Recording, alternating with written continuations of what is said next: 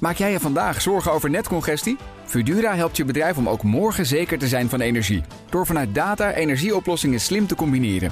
Zo installeren we bijvoorbeeld een batterij om je extra opgewekte zonne-energie niet verloren te laten gaan. Kun jij onbezorgd verder met vandaag? Kijk op Fudura.nl. Fudura, de verandering voor. BNR Nieuwsradio. The Big Five. Diana Matroos. Het kapitalisme heeft ons heel ver gebracht, maar ook de donkere kant ervan voor mens en natuur dringen meer en meer tot ons door. En eigenlijk weten we wel dat ons één ding staat te doen: een nieuwe vorm van economie bedrijven. Maar ja, hoe overwinnen we dan onze weerstand om echt te veranderen? Welke leiders zijn nodig en welke regelgeving gaat ons daar dwingend bij helpen? Daar praat ik uh, deze week over in BNR's Big Five van het kapitalisme met vijf kopstukken. En zoals jullie weten van ons uh, hebben ze allemaal weer een ander perspectief wat ze brengen. En vandaag krijgen we dat perspectief van Dirk Bezemer, hoogleraar economie aan de Rijksuniversiteit Groningen. En hij is schrijver van het boek Een land van kleine buffers. Welkom Dirk, fijn dat je er bent. Dankjewel Diana, bedankt voor de uitnodiging. Ik weet dat je kritisch bent over onze huidige vorm van het kapitalisme. Dus daar ga ik het zeker uitgebreid met je over hebben. Maar voordat we dat gaan doen, uh, wil ik twee dingen van je weten. Allereerst, gisteren kwamen er toch wel hele mooie berichten naar buiten. Uh, we zijn aan een recessie ontsnapt. We hebben een groei. En hoe kijk jij dan naar dat soort cijfers? Was ik heel erg benieuwd naar. Ja, het is natuurlijk fijn voor uh, heel veel mensen dat, ze veel te besteden hebben. Hè, want die recessie vermijden, dat komt vooral doordat we meer consumeren dan vooraf gedacht werd. Um, aan de andere kant was wat dan technische recessie heeft, eigenlijk een afkoeling van een oververhitte economie. Uh, als je kijkt naar de woningmarkt enzovoort. En en bovendien ook de arbeidsmarkttekorten. Dus dat, dat zou helemaal niet zo slecht geweest zijn. Dus het is natuurlijk op zich goed nieuws. Ja, maar, maar een, wat is de maar in jou? Maar een, maar een milde recessie zou eigenlijk best goed geweest zijn... om uh, de oververhitting op de arbeidsmarkt, de woningmarkt... en andere, andere aspecten een beetje af te koelen. En bovendien, hè, dit is natuurlijk een momentopname. Dit gaat om uh, kwartaalcijfers op de langere termijn moeten we met z'n allen minder gaan consumeren en produceren. Want vanwege het klimaat en vanwege andere. Ja, dus je zou eigenlijk zeggen van. We hadden het misschien wel even nodig dat, het, dat we even, um, nou ja, niet deep down zouden gaan, maar dat we even een klap in het gezicht zouden krijgen om wat dingen te herijken. Ja, zo'n zware klap is dat niet eens. Om gewoon evenwichtiger te gaan leven, zou ik zeggen. Ook. Uh, ook in economisch opzicht, maar natuurlijk ook in onze verhouding met de natuur. En dat is iets van langere adem. Dus in dat opzicht ben ik niet zo blij met voortgaande groei. Want we moeten toch, we moeten toch die groei, onze materiële groei, productie, consumptie, uitputting van de natuur. Dat moeten we echt af gaan vlakken. En ik merk dat dat een enorme drive bij jou is. Want los van het boek, we, we, kennen je ook van je columns in de Groene Amsterdammer. Je bent heel erg kritisch over hoe we dat huidige ka kapitalisme inrichten. Waar komt die drive bij jou vandaan? Was er een bepaald momentum dat je dacht: ik moet dit gewoon aan gaan pakken? Constructief kritisch, uh, hoop ik, Diana. Ja, zeker, zeker. En het is heel boeiend, maar ja, ja, ja, je hoeft het ook niet af te vlakken. Uh, dat ga ik ook zeker niet doen, maak je geen zorgen. Maar nou, eigenlijk is dat uh, die belangstelling, ja, echt, dat is echt wel een diepe interesse in hoe ons economisch systeem werkt. Ook als een sociaal systeem. Hè. Hoe we het als maatschappij met elkaar ingericht hebben. Wat er, van de, wat er achter de ideeën zijn. Ideologie is ook echt iets wat me heel erg interesseert hoe dat werkt. De ideologie van het kapitalisme, dus waar, waar we nu in zitten. Wat de voordelen en nadelen zijn van het systeem. En ook wat de voordelen voor wie en de nadelen voor wie zijn. Dus dat is politiek. Ja, ja dat, dat is, vind ik gewoon razend interessant als wetenschapper. Nou, eh, en uh, dat delen we met elkaar. Dus, dus mooi dat we dit gesprek uh, kunnen hebben. En ik, ik, ja, je hebt ook hele mooie frames die je zichtbaar maakt. En dat heeft natuurlijk ook met de ideologie te maken die we hebben ook over hoe we uh, nu met elkaar leven. En dat wil ik ook met je bespreken. Maar eerst de context. Ja, He, want dat zeg jij ja. zelf ook. En als wetenschap vind je dat natuurlijk uh, belangrijk. wat is nou kapitalisme in jouw ogen? Hoe je daarnaar kijkt met al het onderzoek wat je daarna hebt gedaan? Ja, precies. Dus voordat we naar Nederland vierde kwartaal 2022 een beetje groeien. dat is natuurlijk heel leuk, maar even uitzoomen de staat van het kapitalisme. Wat is nou kapitalisme? Nou, dat is een manier om de economie te organiseren. Niet de enige mogelijke manier, maar nu wel wereldwijd ongeveer de enige manier op Noord-Korea na. Uh, een manier om de economie te organiseren waarbij je een scheiding hebt tussen kapitaal en arbeid. Dus waar, waarbij je niet meer zoals in pre-kapitalistische vormen uh, uh, coöperatieven hebt of ambachtelijke vormen van productie, waarbij arbeid en kapitaal in dezelfde hand zijn, kleine, kleine productie. vormen, uh, maar waarbij kapitaal en arbeid gescheiden zijn. En waarbij je dus uh, kunt, uh, bijvoorbeeld kunt investeren, denk aan de VOC bijvoorbeeld, in iets wat je niet zelf doet. Dat is eigenlijk de grote uitvinding van het kapitalisme. Dat is het eerste kenmerk. En het tweede kenmerk wat ik dan zou willen benadrukken, is dat kapitalisme gaat natuurlijk om markten. En we zijn zo gewend aan economie dat economie en markten, dat wordt bijna gelijk geschakeld. Maar het idee dat alles verhandelbaar is, dus dat je alles doet voor productie en verkoop op de markt. En dat alles ook vermarktbaar is. Dat dus alles een prijsgang kan worden. Dat het verhandelbaar kan zijn. Dat is echt een kenmerk van het, uh, van het kapitalisme. En dat is niet, uh, dat is niet zwart-wit. Het kan mm -hmm. wel of niet op de markt. Maar ook steeds meer aspecten van ons leven worden verhandelbaar op markten. Zoals? Nou, bijvoorbeeld um, het idee dat je. Uh, laat ik het, natuurlijk. Goederen en diensten, dat, dat vinden we allemaal heel erg normaal. Ja, Brood, dat snappen we ook allemaal vanuit de economie. Maar het idee dat je uh, bijvoorbeeld ook jouw uh, toekomstig verdienvermogen iets is wat verhandeld kan worden op markten. Als jij als student leent, dan leen je tegen je toekomstige verdienvermogen. En die lening die kan de bank weer verhandelen op financiële markten. Dat is eigenlijk ook dus weer een businessmodel wat jij Dat is een businessmodel. Denk aan hypotheken die ook verhandelbaar werden. Die leiden tot een grote financiële crisis. Hè. Dus mm -hmm. dan zie je meteen ook al de schaduwkanten ervan. Ja. Maar dat, het, uh, de, het hele feit dat hypotheken verhandelbare financiële producten geworden zijn, betekent ook dat er een enorme toename van het aantal hypotheken kwam. Uh, dus, en daar zie je dus die, ja, die Januskop van het kapitalisme, zou je kunnen zeggen. Dat aan de ene kant geeft het een enorme expansie en groei, in dit geval van hypotheken. Aan de andere kant leidde dat dus tot stijgende huizenprijzen, stijgende schulden en financiële instabiliteit. En dus wat jij zegt, wat we goed moeten begrijpen, uh, als het gaat om uh, hoe dat kapitalisme georganiseerd wordt. Je hebt gewoon een aantal spelers, de mensen die kapitaal hebben, de mensen die uh, kapitaal nou ja, verhandelen, ja. ermee werken. Ja. En je hebt de overheid. Dat zijn eigenlijk die drie die langs elkaar Klopt. bewegen. Ja. En uh, die sluizen allerlei dingen naar elkaar toe. En het, het, het, het ene heeft een effect op het andere. Dat Ja. is eigenlijk de hele tijd hoe de, hoe de cirkel uh, uh, gaat. Ja. En dan heb je En dat heeft natuurlijk. grote voordelen. Ja, hè? ja, want ik zou ook- inderdaad. We hebben ook gouden jaren natuurlijk uh, wel gekend. We komen Nou, we straks zijn- wel op de, uh, de wat mindere kanten. Ja, zeker. Maar als je ook even op de langere termijn kijkt, Ja. uh, dan, dan is de opkomst van het kapitalisme, dus dan hebben we het over de Renaissance-tijd, de late middeleeuwen, Vlaanderen, Holland, Noord-Italië. Dat is eigenlijk een tijd van grote economische groei. En dan later krijg je het industriële kapitalisme, industriële revolutie, waarbij kapitalisme en technologie met elkaar gekoppeld worden. Daarna, uh, daarvoor had je het handelskapitalisme. Um, daarna kreeg je het massaconsumptiekapitalisme van de. Nou, tegen de Tweede Wereldoorlog aan en zeker na de Tweede Wereldoorlog. En nu zitten we in het geglobaliseerde kapitalisme, waarin dus ook globaal gezien er markten ontstaan zijn voor van alles wat eerst niet globaal verhandeld werd. En het gefinancierde. Uh, Gefinancierde, gefina, gefinancialiseerde Ja, je hebt dat, ja. dat, dat woord ook een paar keer in je boek Ja, uh, ja. gebruikt. En, En denk, dat hoe betekent- krijg je het uit je mond? Maar we, Financialisering. Ja, we struikelen Financialisering. allebei. Dat eh, betekent over, dat financiële markten en vermogensmarkten centraal worden in de manier waarop het kapitalisme georganiseerd wordt. En is dat waar we nu staan dan? Dat is waar we nou, sinds, uh, sinds de jaren negentig staan. Kijk, en het voordeel, om dat toch even goed Ja. voor het voetlicht te brengen. Het voordeel van kapitalisme is um, in de eerste plaats dat je een explosie van ondernemerschap krijgt. Hè? Want doordat die kapitaalbezitter, dus kapitaal in de vorm van robots of machines of financieel kapitaal, maar doordat kapitaalbezitters ook de rendementen op hun kapitaal kunnen ontvangen is dat een enorme stimulans om markten uit te breiden.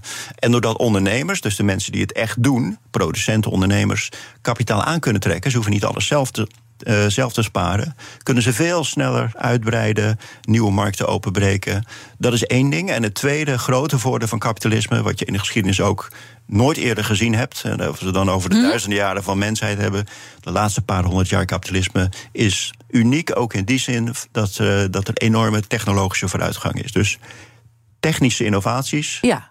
de groei van de technologie, dat is ook echt iets wat bij kapitalisme hoort. En dat komt ook door dat ondernemerschap, waardoor je zelf de winsten krijgt op je kapitaal en waardoor het inzetten van technologie ook winstgevend wordt. Dus ik hoor jou niet zeggen, ik ben tegen dat kapitalisme, hè, want er zijn ook mensen echt tegen, maar dat, dat hoor ik bij jou niet. Uh, nou, je kunt tegen het weer zijn. Hè. Ja. Wat ik al zei, we Ja. zijn nu wereldwijd, is er overal kapitalisme. Ja. China heeft ook kapitalisme, staatskapitalisme. Maar dat voldoet ook aan al die kenmerken. En nou, het is heel goed wat je net noemde, hè, dat er dus drie, drie groepen zijn in het kapitalisme: werknemers, kapitalisten of kapitaalbezitters, eh, werkgevers en de staat. En de balans tussen die drie, dat is niet een soort natuurwet. Hè. Dus ehm, in China heeft de staat een veel grotere rol. In Nederland tot de jaren 80 was dat ook het geval. Dat wordt dan het gemengde, het gemengde kapitalisme genoemd. Met, met een menging van staats- en privé-initiatief. Dus je kunt daar allerlei balansen in vinden. En als ik dan ergens tegen ben, als we daarop komen, kritiek, dan, dan is het dat die balans doorgeschoten is. En dat eh, ja, de, de partijen die in de maatschappij het, het publiek belang vertegenwoordigen. Dat is de staat en het maatschappelijk middenveld. Niet alleen maar de staat, maar ook het maatschappelijk middenveld. Die zijn echt in de verdrukking gekomen. Die zijn, eh, die zijn onachtzaamd. The Big Five. Diana Matroos. Mijn gast is Dirk Bezemer, hoogleraar economie aan de Rijksuniversiteit Groningen. Eh, je zegt uh, bepaalde groepen zijn in de verdrukking geraakt. Um, hoe, hoe nijpend is het als je eigenlijk nu naar de huidige vorm van kapitalisme kijkt? Zijn we echt te ver al doorgeschoten of dreigen we dat te doen? Waar staan we? We zijn al te ver doorgeschoten, denk ik. Um, Denk even na over wat, wat betekent kapitaal. Kapitaal is alles waarin je investeert om in de toekomst goed verder te kunnen gaan. Dus machines en robots het zijn langjarige investeringen waar je heel lang mee wil kunnen blijven produceren. Dus je geeft nu veel geld uit om het in de toekomst goed te kunnen blijven doen. Nou, dat is natuurlijk niet de enige vorm van kapitaal die we nodig hebben. Machines en robots en financieel kapitaal, aandelen enzovoort. We hebben bijvoorbeeld ook in de toekomst uh, natuurlijk kapitaal nodig. Dus we moeten ook investeren in de natuur. Daarmee wil ik de natuur niet reduceren tot iets financieels. Mm-hmm. Maar er zijn wel harde euro's nodig om de natuur in stand te houden. Denk aan, dus dat is natuurlijk kapitaal. Denk aan menselijk kapitaal. We moeten investeren in ons onderwijs. En in de cohesie in de maatschappij, dat is sociaal kapitaal. Ja, daar kunnen dat we wel van zeggen. Dat is enorm uitgehold uh, in de afgelopen ja, en, jaren. Kijk, en hoe komt dat nou? Omdat dat model van kapitalisme, wat op zich een model is, wat heel veel innovatie, technologie en ook welvaart teweeg brengt. Hè. We hebben een welvaartsexplosie meegemaakt sinds de jaren negentig. En al langer in de 20ste eeuw, vanaf de 20ste eeuw. Dus daar, dat is natuurlijk heel mooi voor heel veel mensen. Hè. Ja. Maar. Um, het betekent ook dat andere kapitalen, dus als het niet om machines en robots en aandelen en obligaties gaat, maar als het gaat om menselijk kapitaal, sociaal kapitaal, natuurlijk kapitaal, die zijn in de verdrukking geraakt. En hoe komt dat? Dat komt omdat die logica van het kapitalisme is: uh, investeer steeds meer in fysiek en financieel kapitaal. Dus bouw steeds meer fabrieken, robots. Bouw steeds grotere financiële markten, steeds grotere vermogensmarkten. En dat hoopt zich dan op. Waarde, geld, hoopt zich dan dus op uh, op bij, te veel op één plek. Bij de kapitaalbezitters. Ja, dat want, is logisch. Want je zegt ergens, uh, en dat vond ik een heel treffende uh, tekst, want daar zit heel erg ook. Nou, het gedachtegoed wat je nu ook uitlegt. je zegt in Nederland heerst het idee dat de Amsterdamse Zuidas met zijn banken, accountants en vermogensbeheerders het vlaggenschip van de Nederlandse economie is. De financiële sector krijgt in dit land enorme subsidies en dat heeft ook allemaal met lobby te maken. Is dit het grote pijnpunt? Uh, dat is een heel, groot, een heel groot pijnpunt. Een ander groot pijnpunt is wat uh, mensen op de A12 uh, een paar weken geleden lieten zien. Dat is subsidie aan de fossiele sector. Dus daar komen we op een soort sche scheefgroei van, het, scheefgroei van het kapitalisme, die vaak onder het woord neoliberalisme gepakt wordt. En neoliberalisme uh, dat is niet liberalisme. Hè. Het klassieke liberalisme was juist gelijke kansen voor iedereen. Dus klassieke liberalen, zoals John Stuart Mill, die waren voor vrouwenstemrecht, voor uh, opleiding voor iedereen, voor betere hygiëne, betere woning, woningen. Um, maar neoliberalisme gaat uit van het idee dat de staat er eigenlijk is voor de markt. Dus de staat is er ten behoeve van bedrijven. En dat zijn dan met name de grote bedrijven. En als je dus het hebt over subsidies en lobby's van bijvoorbeeld de financiële sector, uh, fossiele industrie, dan is dat een, dat is een uiting van neoliberalisme als ideologie, als ja, set en ik van denk ideeën dat dit, hoe je de maatschappij in moet richten. Dit dan ook wat concreter moeten uitleggen. Hè? Want dan zullen weer andere mensen zeggen: ja, nou ja, dat valt toch wel allemaal wel mee. Nou, dat valt uh, helemaal niet mee. Nee, nou, en, en leg daar maar uit waarom het Ja. niet meevalt en aan welke voorbeelden we dat heel concreet kunnen zien. Ehm, nou, als we even blijven bij die financiële sector. Ehm, er is bijna geen land in de wereld met zoveel uh, huishoudensschuld als Nederland. Dus huishoudens in Nederland zitten heel diep in de schuld. Uh, vergeleken met uh, andere landen in de wereld. Dus als je een top 5 maakt wereldwijd, zitten wij heel hoog. En dat betekent uh, dat, dat Nederlandse huishoudens relatief kwetsbaar zijn voor een financiële crisis ergens in de wereld die overwaait naar Nederland, hebben we gezien in 2007, 2008. Mm -hmm. um, betekent ook dat uh, in Nederland, hoewel we gemiddeld een heel rijk land zijn, er toch uh, vrij grote en groeiende, groeiende ongelijkheden zijn. Waarbij veel mensen uh, aangeven dat ze het moeilijk vinden om rond te komen. Ongeveer een miljoen Nederlanders op dit moment. waarbij het aantal miljonairs toeneemt. we hebben geloof ik 330.000 miljonairs nu in Nederland. En dat was 2020 was dat 300.000, 10% minder. 2019 was het weer 10% minder. Dus het groeit met 10% per jaar. Steeds meer miljonairs, maar ook steeds meer mensen die aangeven dat ze financieel klem zitten. En dat zijn vaak ook werkende mensen.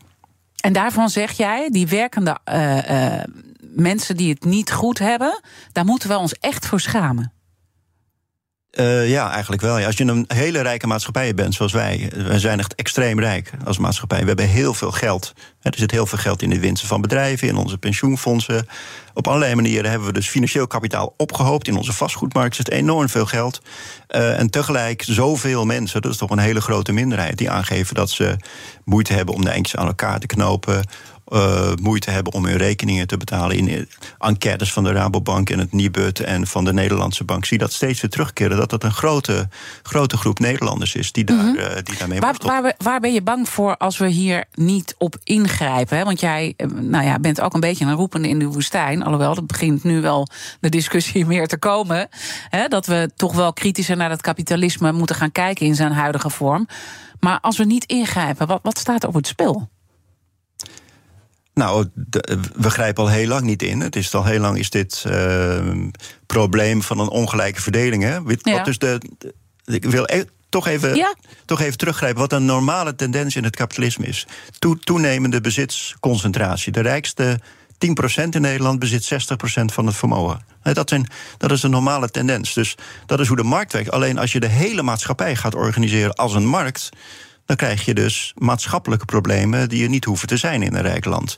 En de problemen die je dan krijgt, waar we al eerder op in hadden moeten grijpen, uh, nou, dat is bijvoorbeeld maatschappelijke onvrede. Dat mensen zeggen als de, als de premier of het kabinet zegt van het gaat geweldig in Nederland, de afgelopen tien jaar. Gaaf land. Ja. ja, dan moet je je afvragen, ja, voor wie eigenlijk? Als er ook tegelijk zoveel onvrede is.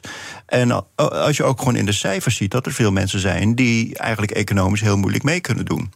Denk aan de arbeidsmarkt. Hè. Als je aan, aan de onderkant, zoals dat genoemd wordt, de onderkant van de arbeidsmarkt kijkt. Koffershowers op Schiphol, waar laat zich op het nieuws. Maar ook de tuinbouwen, slachthuizen. Um, waarom wil je in een rijk land het zo organiseren dat er een vrij grote, grote groep werknemers is die werk moet doen wat niet aan de standaarden voldoet die we hebben en die onderbetaald worden? En de vraag is ook van hoe lang gaan ze dat nog pikken? En je ziet nu natuurlijk nu al ja. Ja, uh, de dus weerstand dus ontstaan. Problemen zijn er. Nou, je ziet daar maatschappelijke onvrede, stakingen beginnen nu. Uh, een ander probleem is natuurlijk natuur. Hè? Als je dus, je hebt die, al die kapitalen, fysiek kapitaal, financieel, sociaal, menselijk. Als je alleen maar investeert, of als je alleen maar toestaat dat het financieel kapitaal zich ophoopt, uh, dan is er dus minder geld beschikbaar voor investering in natuurlijk kapitaal, in menselijk kapitaal en in sociaal kapitaal. En dat is natuurlijk wat we zien gebeuren in Nederland. Er zijn 10.000 leraren in het basisonderwijs te weinig. De, ik geloof dat de salarissen van leraren in het basisonderwijs tegen met 4,75 procent. Terwijl de winst van Unilever, Ahold, Shell, die stijgt met dubbele cijfers. Dat is de verdeling van hoe we de vruchten van het werk wat we met z'n allen doen, hoe die verdeeld wordt. En, en, en, en, het, en het moeilijke is eigenlijk nu dat je dan ziet van... En eh, dan zitten we in een crisis en dan gaan prijzen ook nog eens allemaal omhoog. We zagen, zagen laatst mega winsten uh, bij Shell, die dan weer, nou ja, daar sprak ik gisteren natuurlijk ook ja. uh, over met de VEB, die dan weer uh, terugvloeien naar de aandeelhouders. Ja. En, en dit is dus precies wat jij zegt, dat, dat, het wordt steeds meer daar geconcentreerd en het gaat steeds meer Klopt. weggetrokken ja. worden aan de andere kant. Want de aandeelhouders van Shell, dat zijn natuurlijk investeringsfondsen en rijke individuen die dat opnieuw investeren in andere financiële papieren. En zo blijft heel veel financieel, financieel kapitaal circuleren in het financiële circuit en in de vastgoedsector, waar het de prijzen opjaagt. Terwijl het terug zou moeten vloeien als productieve investeringen in de reële economie van, uh, van winsten en lonen, waar, waar geproduceerd wordt. Dus dat is de, dat is de cirkel van het economisch leven. Ja, de cirkel weer van die drie spelers. Hè? Dus overheid, ja. uh, um, de kapitaalbezitters en degene die werken met dat uh, kapitaal. Precies. En dan zeg je, dat is echt helemaal uit balans. En dan is het toch interessant om te kijken vanuit jouw stellingname hoe je daar toch ook weer een, een, positieve kant uit kan filteren. En daar heeft de kettingvraag alles mee te maken. Ja. Ik refereerde al even aan een directeur van de vereniging Effectenbezitters, Gerben Evert, sprak ik gisteren mee en hij wilde dit graag van jou weten. Ja, Dirk, je beschrijft in je boek een land van kleine buffers. Ook een aantal lessen van de grote lockdown. En een oproep aan de overheid eh, om, om meer leiderschap te tonen. Ik wil een positief draaien. Welke lessen heeft de politiek en heeft de overheid nu genomen in de coronatijd, in de lockdown, waarvan je zegt dat was verstandig en dat zorgt ervoor dat of het nou ondernemers zijn of consumenten, minder kwetsbaar zijn, ook in de toekomst in Nederland. Welke zijn dat?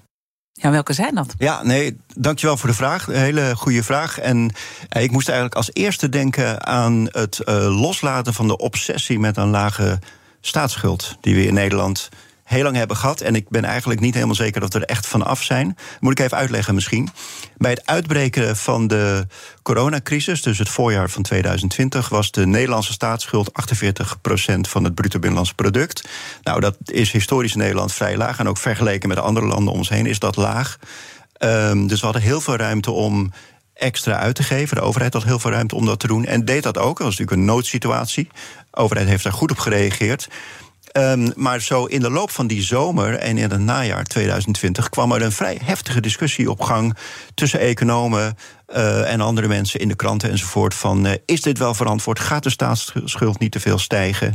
En het, ja, er leek zich een reëel gevaar af te tekenen dat onze, ons vermogen om te reageren op die crisis beperkt zou worden door onze eigen overtuiging dat we geen geld mochten uitgeven. En het is een heel oud idee bij conservatieve economen dat de overheids uitgaven eigenlijk gevaarlijk zijn altijd. Terwijl jij eigenlijk zegt, joh, uh, um, laat die staatsschuld maar lekker oplopen. Terwijl dat ja. is precies wat we elke keer horen, dat moeten we niet doen. Nou, moet je wel doen als het nodig is. Uh, daar kunnen we straks nog meer over. Maar wat ik dus zo goed vond uh, tijdens de coronacrisis. Ik herinner me nog dat in september bij de algemene beschouwingen stonden Pieter Hazekamp, de directeur van het Centraal Planbureau, en Klaas Knot, de directeur ja. van de Nederlandse Bank.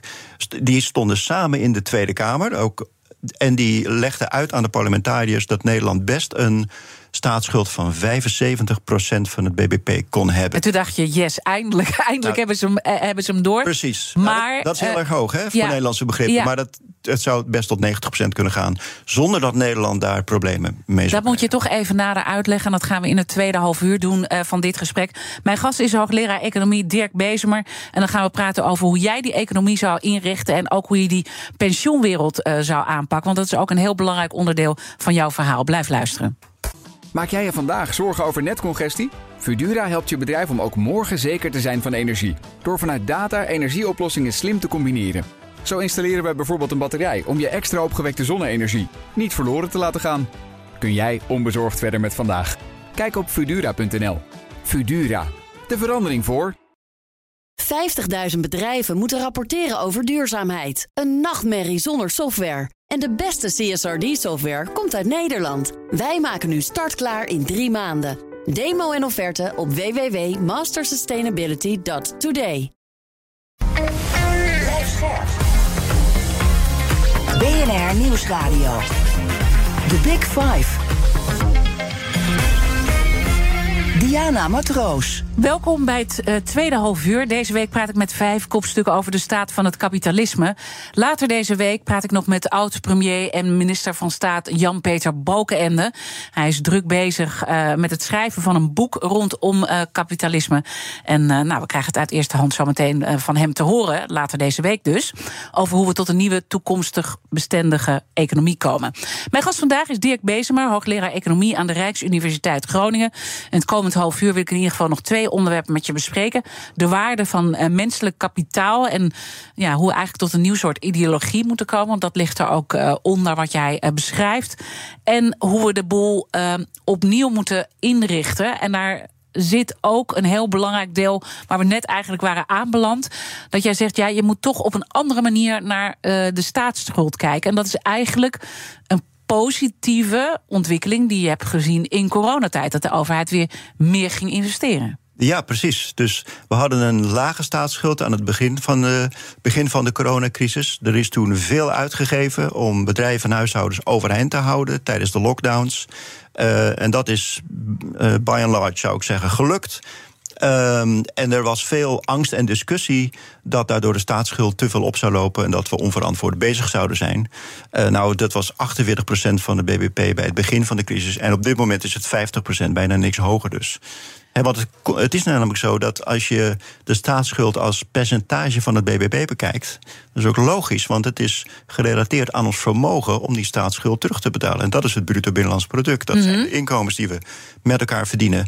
Um, en als die, uh, als die economie groeit, dan groeit de staatsschuld relatief dus niet. De staatsschuld en de economie mogen met elkaar meegroeien. Dat is heel gezond. En, maar, maar sterker nog, je zegt ook als die staatsschuld oploopt, dan betekent dat dat je ook investeert in bepaalde ja. dingen. Dus ja. het gaat vooral ook, uh, wat nu klem komt te zitten in die ja. huidige vorm van kapitalisme, is dat we uh, te weinig innoveren, te weinig investeren, te weinig innoveren. En als de overheid dat zou doen, maak je juist het land sterker. Lees betere leraren, beter onderwijs. En dat gaat allemaal zijn effect hebben op de economie. Is dat, dat, dat, jouw redenering? Ja, absoluut. En dan, kijk, vaak leven in een frame, dus een ideologie eigenlijk. En ik bedoel dat gewoon ideologie als een set ideeën waar je meestal niet van bewust bent. We leven in een frame waarin alles wat uh, naar bedrijven toe vloeit als iets goeds wordt gezien. Mm -hmm. En die andere twee groepen in de maatschappij waar we het, waar we het over hadden in het eerste half uur, uh, namelijk werknemers werknemers en de overheid, daar wordt, dat, dat is al snel verdacht. Dus in dit geval,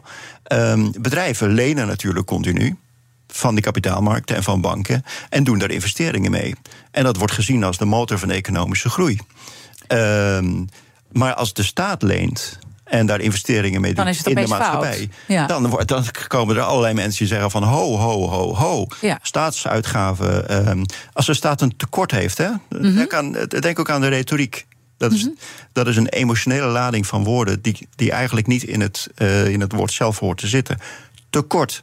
Ja. Wat is er nou precies tekort als de staat een tekort heeft? Het betekent dat de staat in dat jaar dat er een overheidstekort is, meer uitgeeft en meer geld in de, in de economie en in de maatschappij investeert dan ze eruit trekt middels belastingen. Ja, kan natuurlijk ook infrastructuur zijn waar ze in Van investeren. Alles. En dat, dat, geeft ja, al, dat, ja. dat werkt allemaal in de plus door.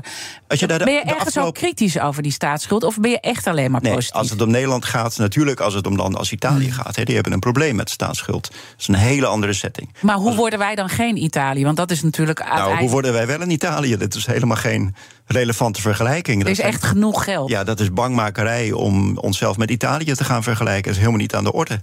Van de afgelo- als je naar de afgelopen 50 jaar kijkt, had de Nederlandse economie, de Nederlandse staat, vier van de vijf jaar tekorten. En dat betekent gewoon dat vier van de vijf jaar de Nederlandse staat meer in de economie investeert dan ze eruit trekt middels belastingen. En dat is de manier waarop de economie groeit.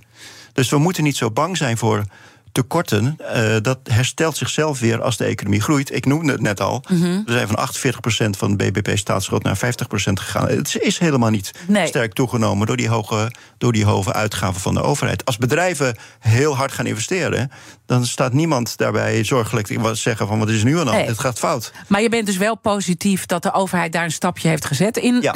coronatijd. Maar eigenlijk zeg je, het had veel meer gekund. En, en, en misschien vallen we terug, ik weet niet. Waar nou, dat niet zozeer. Ik denk dat, de, dat lijkt, eh, voor, voor zover ik het kan zien... is de steun van de overheid in coronatijd echt goed geweest. Mm -hmm. uh, en ook daarna met de, met de energiecrisis is er genereus steun gegeven. Te genereus zelfs ook aan veel mensen die het niet nodig hebben. Dat is denk ik niet, niet het probleem. Maar wat ik als het positieve zie, is dat dat frame dat dat doorbroken werd... en dat we eindelijk eens tegen elkaar konden zeggen... Uh, het is goed dat de overheid investeert. Dat de overheid meer uitgeeft ja. dan ze binnenkrijgt op het moment dat de maatschappij en de economie dat nodig hebben. En dat we dat nou eens vasthouden.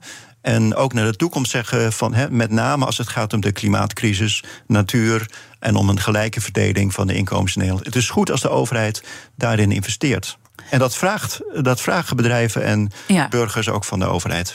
Ik vind het interessant om nog wat meer van die frames met elkaar uh, te ja. bekijken. Hè? Uh, zou je zo'n frame rond de pensioenen Uh, Ja, want daar ja, zit ook ja. een belangrijk deel van jouw argumentatie. Ja, dus dat gaat. eh, ik heb al even in het eerste half uur gezegd. We zitten nu in het financieel kapitalisme. Het eh, gefinancialiseerde kapitalisme. Dat betekent dus een vorm van kapitalisme waarbij. Eh, waarbij de ideologie of waarbij de impliciete doel lijkt te zijn het ophopen van financieel vermogen.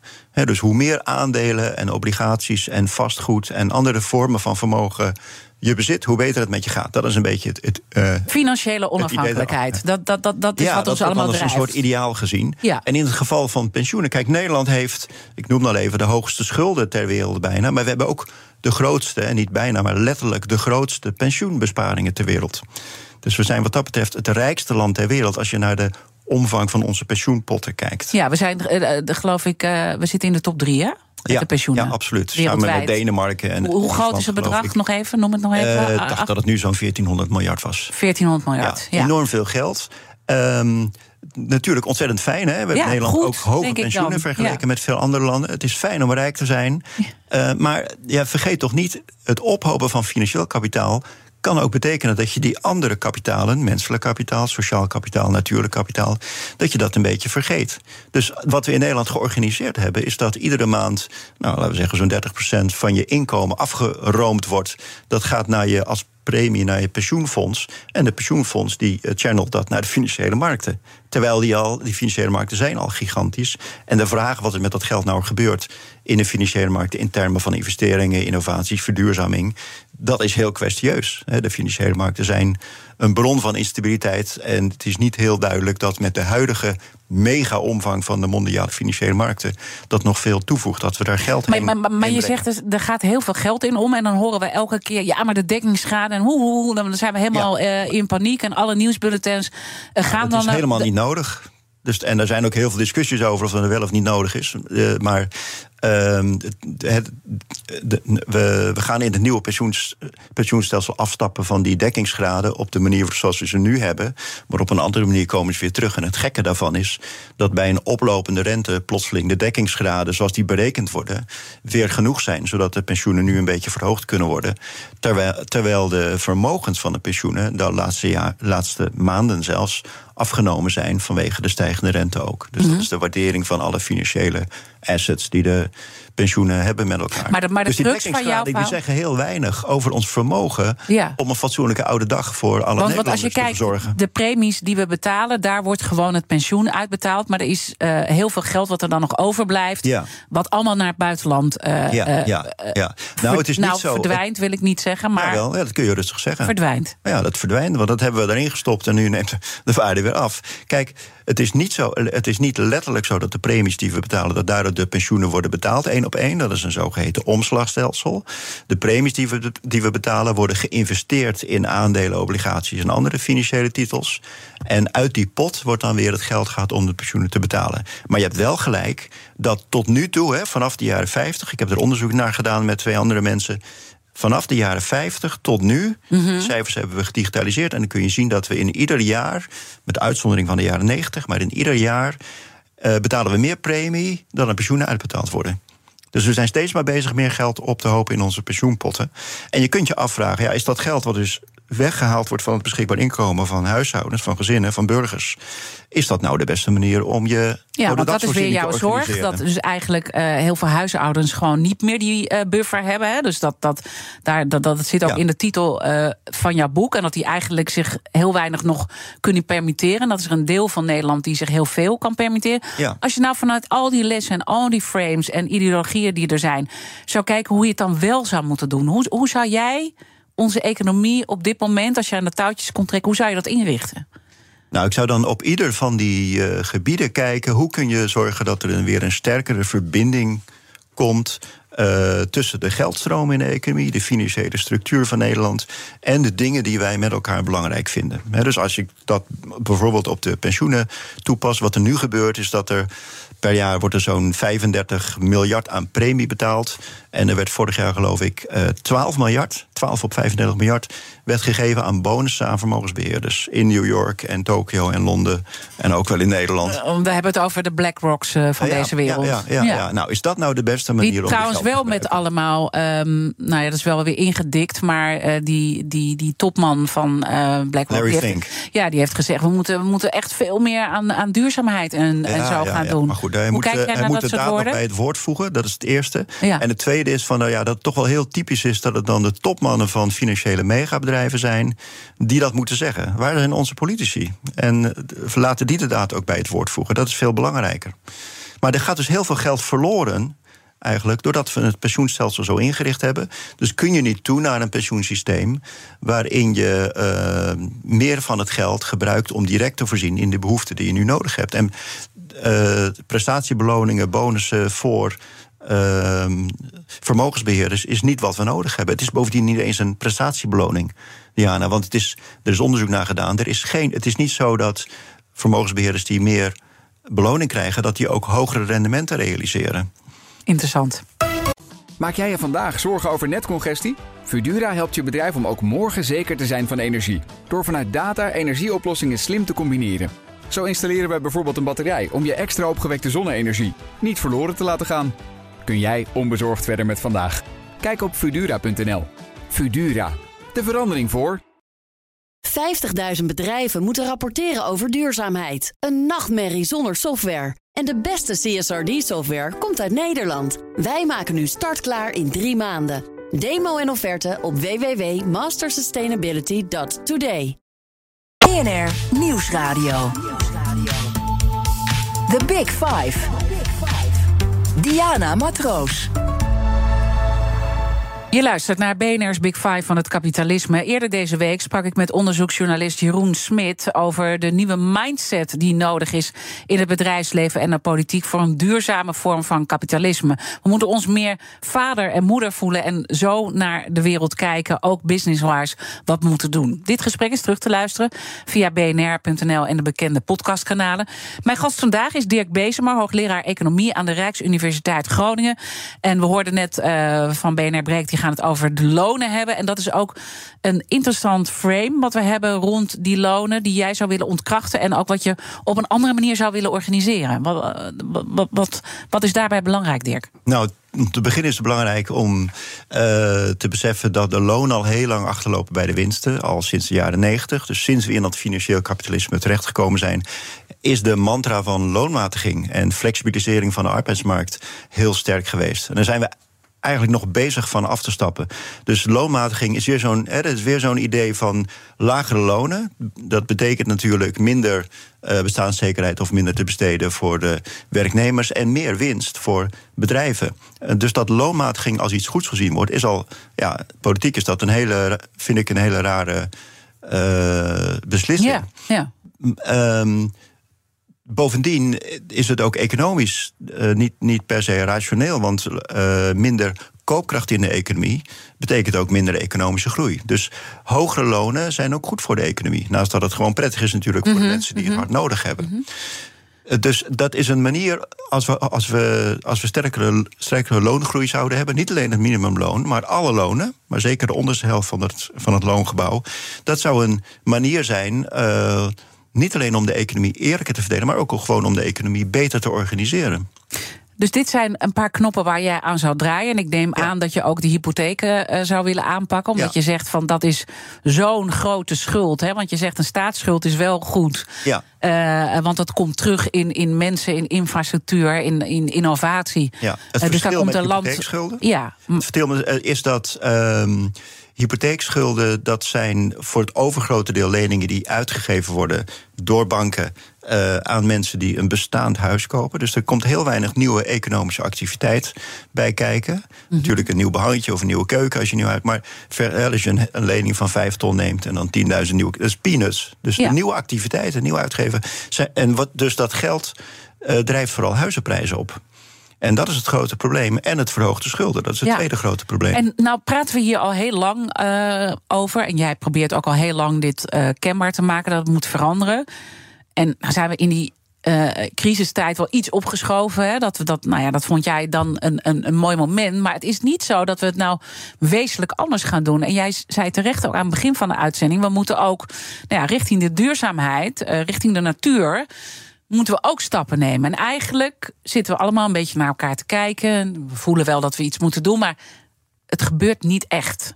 Nog het niet gebeurt echt. te weinig. Kleine Ja. stapjes, Ja. hele kleine stapjes. Nou- is dat nou gewoon reëel of, of, of moet er iets anders gebeuren? Wat mis je? Ja, nou, je, er, er worden wel stappen gezet. Als je bijvoorbeeld kijkt naar de financiering van de woningmarkt, hypotheken, dan is er een heel brede groep economen, ook van de, ook van de banken en academische economen, die met elkaar een plan hebben, ge, met elkaar een plan hebben gepresenteerd eh, een aantal maanden geleden over een verbouwing van de woningmarkt, zodat die, wo- de woningmarkt dus opgelost wordt. Waarin het probleem van de hypotheken ook opgenomen is als een probleem.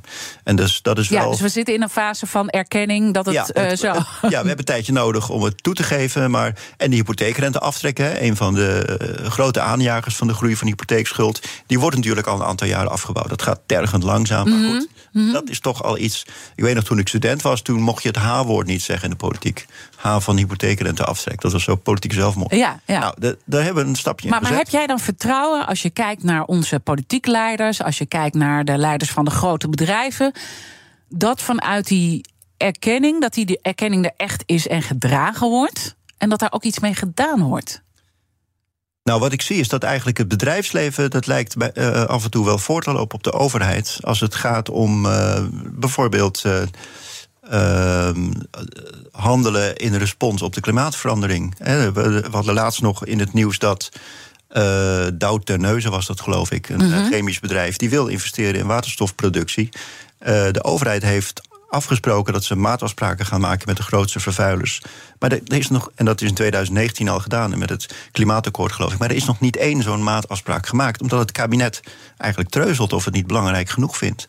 Dus ik zie best ehm, de vraag vanuit grote bedrijven. Ja, die willen Overheid- eigenlijk wel, overheid, ja. overheid, geef ons een kader. Zorg dat de vergunningen loskomen enzovoort. Ook maar belangrijker nog, eh presenteer Maar een wat visie. is dat? Wat is dat? dat, Ja, dat, dat, is, dat is gebrek aan visie. En dat is eigenlijk het grote thema waar het allemaal om draait. Eh, Er is niet te weinig geld. Hè. Er is genoeg geld, maar we gebruiken het alleen verkeerd. Dat geld hoopt zich op in de vastgoedmarkten, door hypotheken, Mhm. in pensioenfondsen. Het geld hoopt zich niet op bij, eh, in de zorg, in het onderwijs en in die vormen van kapitaal, menselijk, sociaal, die we nodig hebben. Je zegt we hebben genoeg eh, geld, dat is het probleem niet. We kunnen ook dingen organiseren, want daar zijn we als land denk ik ook heel erg eh, goed in. Kijk wat we in die pandemie allemaal hebben georganiseerd. Toen konden dingen heel snel. En nu, nu vallen we dus weer terug Nou, we, we, we in, zien- in een. ja, ja. Ja, en dat komt door gebrek aan visie. Eh, ook, het, ook het vermogen om te organiseren is flink afgenomen. Maar val jij gewoon ook het kabinet Rutte hiermee af? Want dat is eigenlijk Ja. dan wat je zegt. Als je Ja. voor het visie. En dan Ja, moest je, is- moest je voor naar de oogarts geloof ik? Absoluut. Ja, ja, dat is natuurlijk heel jammer dat hem dat steeds zo nagedragen moet worden. Maar goed, hij heeft het echt gezegd. Eh, ja, dat is natuurlijk een, dat is, dat is het gebrek aan visie. Terwijl Eh, tegelijkertijd beginnen we wat- eh, met, met het nieuws dat het eigenlijk gewoon best wel goed gaat. Hè? Ik bedoel, we zijn aan een recessie ontsnapt. We doen het eigenlijk best wel goed vergeleken met de andere landen. We doen, doen het beter dan onze buurlanden. Dus dan probeer als ik kijkt- elke keer weer te denken... Dat ben ik niet met je eens. Als je kijkt naar de consumptie in het vierde kwartaal van 2022, dan is dat fijner dan we dachten. Dat is, daar gaat, ook niks vanaf. Maar als je naar het iets grotere plaatje kijkt, waar we het nu al ruim een half uur over gehad hebben, dan gaat het helemaal niet zo goed in Nederland. Nee. Kijk naar de zorg en het onderwijs. Kijk naar die dingen die we met z'n allen echt belangrijk vinden. Kijk naar de natuur. Daar gaat het helemaal niet goed. Nee. Dat is toch veel belangrijker dan consumptie in het vierde kwartaal van 2022. En dan ben ik vanuit deze zaken ook heel erg benieuwd wat jouw kettingvraag gaat zijn aan eh Medi van der Laan, die ik morgen spreek. Zij is natuurlijk de voorzitter van de Nederlandse Vereniging van Banken. En je hebt ook eh, nou ja, best een aanklacht gedaan richting die financiële sector. Wat zou Ja. jij willen vragen? Ja, Eh, beste Medi, ehm, ik zou willen vragen ehm, hoe de banken de afbouw van financiering aan de fossiele sector gaan versnellen. Een onderzoek van Fair Finance eh, blijkt dat 94% van het geld wat de banken investeren in energie, dat gaat naar de fossiele sector. Ehm, nou weten we van Shell bijvoorbeeld hè, in de rechtszaak tegen Milieudefensie dat Shell zegt van ja, daar kunnen wij niks aan doen dat wij nog steeds zoveel fossiel investeren. Er moet gewoon aan de vraagkant, de consument moet minder fossiel gaan consumeren en dan volgen wij. Dus dat is het idee van de vraaggedreven economie. Staan de banken er ook zo in? Gaan zij hun fossiele investeringen niet afbouwen En wachten ze totdat de vraagkant van leningen en zo zegt van nou wij willen minder fossiel? Of hoe, hoe gaan jullie daar wat aan doen? Mooie vraag, die ga ik zeker aan haar stellen. En je zei net, eigenlijk neemt het bedrijfsleven nog de beste stap in het geheel. Maar aan jouw vraag te merken, uh, en, en, en, en het feit wat je daarbij ook benoemt. Nou, is, dat, is dat eigenlijk toch ook niet aan de gang dan? Nou, dat is niet, natuurlijk niet overal zo. Ik zie wel Nee. hoopvolle Ja. enkelingen, laat ik het zo zeggen. Het zijn ja. hele kleine. ja. Ja, zijn de belangen gewoon te groot dat we hier gewoon mee door blijven gaan? Ik denk dat het bedrijfsleven. Ja, dat is ten eerste ja. Er zijn natuurlijk hele grote belangen Ja. in de financiële We sector. kunnen van alles de- met elkaar bespreken. Maar ja, uiteindelijk, als het belang maar groot genoeg is, waarom Ja. zou je het opgeven? Hè? Dat maar ook- ik denk wat, he- wat, heel- en wat een heel belangrijk punt is. Kijk, het is niet zo dat we ehm, een andere inrichting van de economie gaan krijgen. of dat we bijvoorbeeld iets aan het klimaatprobleem serieus gaan doen. eh, doordat miljarden mensen over de hele wereld de juiste beslissingen gaan nemen, plotseling. Ehm, zo, zo, zo werkt het niet. Er zijn gewoon in iedere economie een relatief klein aantal spelers Ja. die de koers uitzetten en die de grootste beslissingen nemen. en dat is de overheid de en het overheid en de bedrijfsleven. grote bedrijven. Ja, Eh, ook niet het MKB, de overheid Ja. en de grote bedrijven. Dat zijn niet zo heel veel partijen. nee. En de overheid, die, eh, dat is de enige partij in de hele economie die de wet en regelgeving in handen heeft, die de koers uitzet, politiek. Dus als die geen leiderschap toont, gaat het niet gebeuren. Ja, trieste conclusie hier op het eh, eind. Ik wil je Maar toch danken. ook hoopvol als we het wel gaan doen. Ja, precies. Ja. Dat is waar. Dat is waar. Ik hou van eh, het woord hoop. Ehm dankjewel, Dirk Bezemer, hoogleraar economie aan de Rijksuniversiteit, Rijksuniversiteit Groningen. En natuurlijk is alles van BNR's Big Five terug te luisteren in de podcast. Maar blijf live. Zometeen Iwan Verrips met BNR Breekt. Ik wens je een mooie dag. Maak jij je vandaag zorgen over netcongestie? Fudura helpt je bedrijf om ook morgen zeker te zijn van energie. Door vanuit data energieoplossingen slim te combineren. Zo installeren we bijvoorbeeld een batterij om je extra opgewekte zonne-energie niet verloren te laten gaan. Kun jij onbezorgd verder met vandaag? Kijk op Fudura.nl. Fudura, de verandering voor.